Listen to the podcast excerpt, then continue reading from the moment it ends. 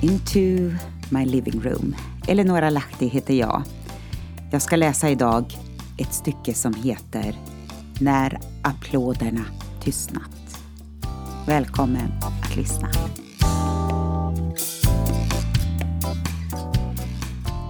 Är du på väg någonstans?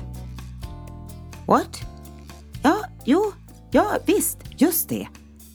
Vare sig du vill det eller inte är du på väg. På en resa. Någonstans. Nu tänker jag inte fysiskt utan att tidsandan är i rörelse och vi med den. Åt något håll. Jag tror att det är flera med mig som upplever att eh, något dras åt mer och mer. Och att ha åsikter om ett och annat börjar eh, nästan bli obekvämt. Till och med i sina vanliga vardagliga sammanhang. Det skjuts pilar och det byggs murar. I allt detta som eh, jag vill kalla för en profetisk tid kan vi se bakåt i historien och lära oss ett och annat. Vi kan läsa om olika kulturers uppgång och fall och inse att allt inte varar för evigt. Men förstås, romarriket ser ut att formas återigen i vår tid. Den judiska kulturen är den enda kultur som överlevt förföljelse, hat och förtryck mitt i en tid av förskingring. Under 2000 år levde de i det som kallas för diasporan. Utspridda över jordens alla kontinenter men ändå lever och blomstrar nu deras kultur som aldrig förr. Det är ett, ja, många under som visar på att Gud har sitt speciella finger med i spelet. Just nu rasar oroligheter på många håll. Alarmister har sitt budskap och förvirring, tomhet och ångest har sina bundsförvanter. Mitt i allt detta finns det en gudomlig organism som kallas för församlingen. Och vi ska aldrig tro att den här världen och tidsandan kommer att applådera den. Det är just detta som kommer att vara den stora utmaningen i vår tid, församlingen. Det kan kännas bekvämt att ha sitt eget, men så var det aldrig tänkt. Vi ska dela livet i ordet, gemenskapen, bönerna och brödet. Det är inte en iPad och popcorn i sängen. Tänk om lärjungarna slagit sig till ro efter alla sina år tillsammans med Jesus. En fantastisk eh, bibelskola hade de gått, men eh, nu var det alltså över. Allt och alla hade gått tillbaka till gamla vanor och man återvände till sitt fiske. Det som avgjorde hela fortsättningen, det var det som hände på pingstdagen. Nu fick dessa förvirrade, misstänksamma och trolösa män, som kallades lärjungar, de fick en ny identitet, ny kraft och ny överlåtelse. Vem kunde tro att något sånt om dessa veklingar som hade fullt upp att försöka begripa vad som hade hänt på deras bibelskola. Kanske du fastnat i det som många svenskar numera har hamnat i. Ett tomhetssyndrom som det analyserades som en söndagmorgon i tv-morgonsoffan. När inte religion kan fylla rummet kanske andra substitut har dykt upp. Bilar och båtar, kultur och fernissa, upplåst kunskap och PK-åsikter. Och så är man ju med på tåget. Så var det ju förstås klimataktivismen med sina avlatsbrev, korsermatregler och mantra. Forskningen säger. Och man kan hitta en ny form av religion och rättfärdighet. Tolv, tolv stycken lärjungar vände upp och ner på sin del av världen, på sin tid och inte fanns då tv eller internet. Här är du och jag i vår tid. Och jag undrar, vart är vi på väg? Vad är viktigt för oss? I vår tid värdesätts underhållning, njutning, makt, kontroll och trygghet. Och jag tror det var lika viktigt för lärjungarna på sin tid. Men när den helige Ande kom över dem förändrades alla perspektiv och värderingar. Det viktiga, det blev helt plötsligt oviktigt och glädjen och tryggheten hittade sina verkliga källor i Gud. Tänk så allt kan förändras i ett nu.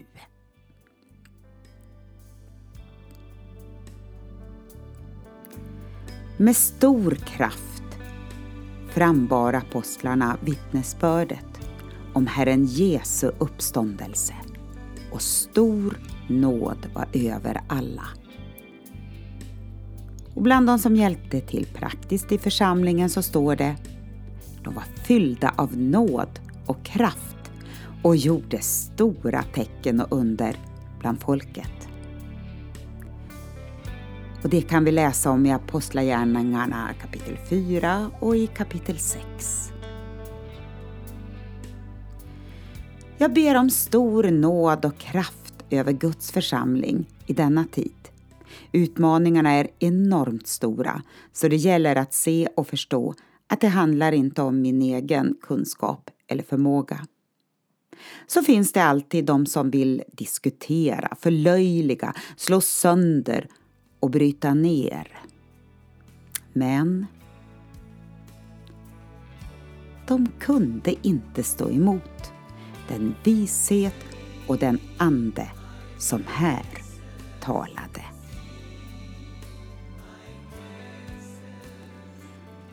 När applåderna tystnat så måste vi fortsätta stå, tala, utbreda och erövra. Men vi vet hur det fungerar.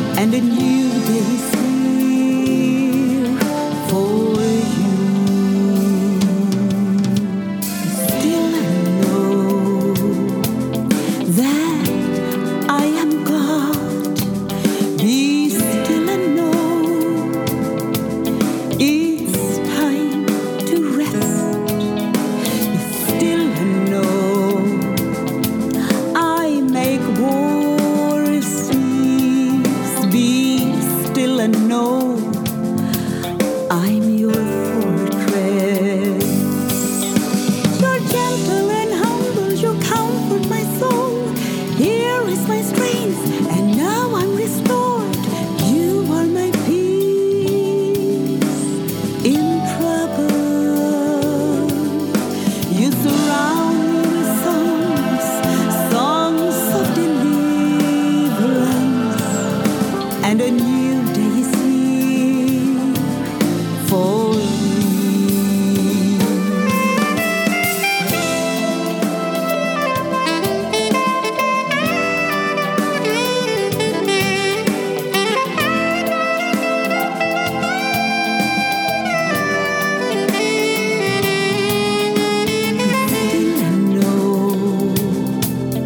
that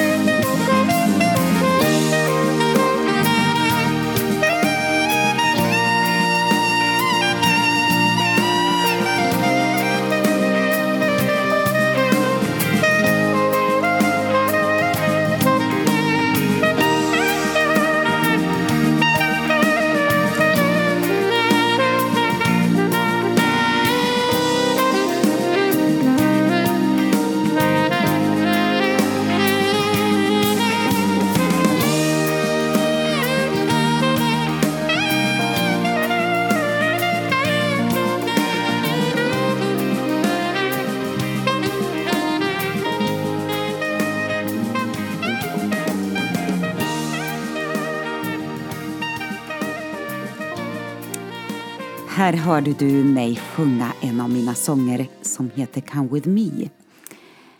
Och jag tittar tillbaka i den här texten som jag läste för er.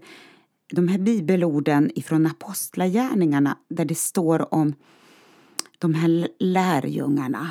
De var fyllda av nåd och kraft och gjorde stora tecken och under bland folket. Och eh, folket kunde inte stå emot den vishet och den ande som här talade. Hur hade det här hänt? Jo, de hade varit med Jesus.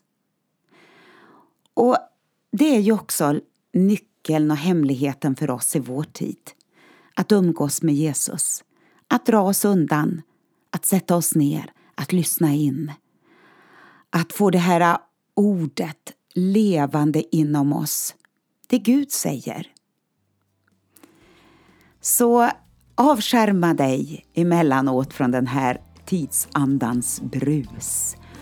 Och se till att du bara liksom kopplar ihop med Guds ande. Vad säger Gud för någonting i den här tiden? Och så kanske vi har någon som lyssnar och tänker, men vad pratar hon om? Jo, vet du, vi kan ha en levande relation med Jesus.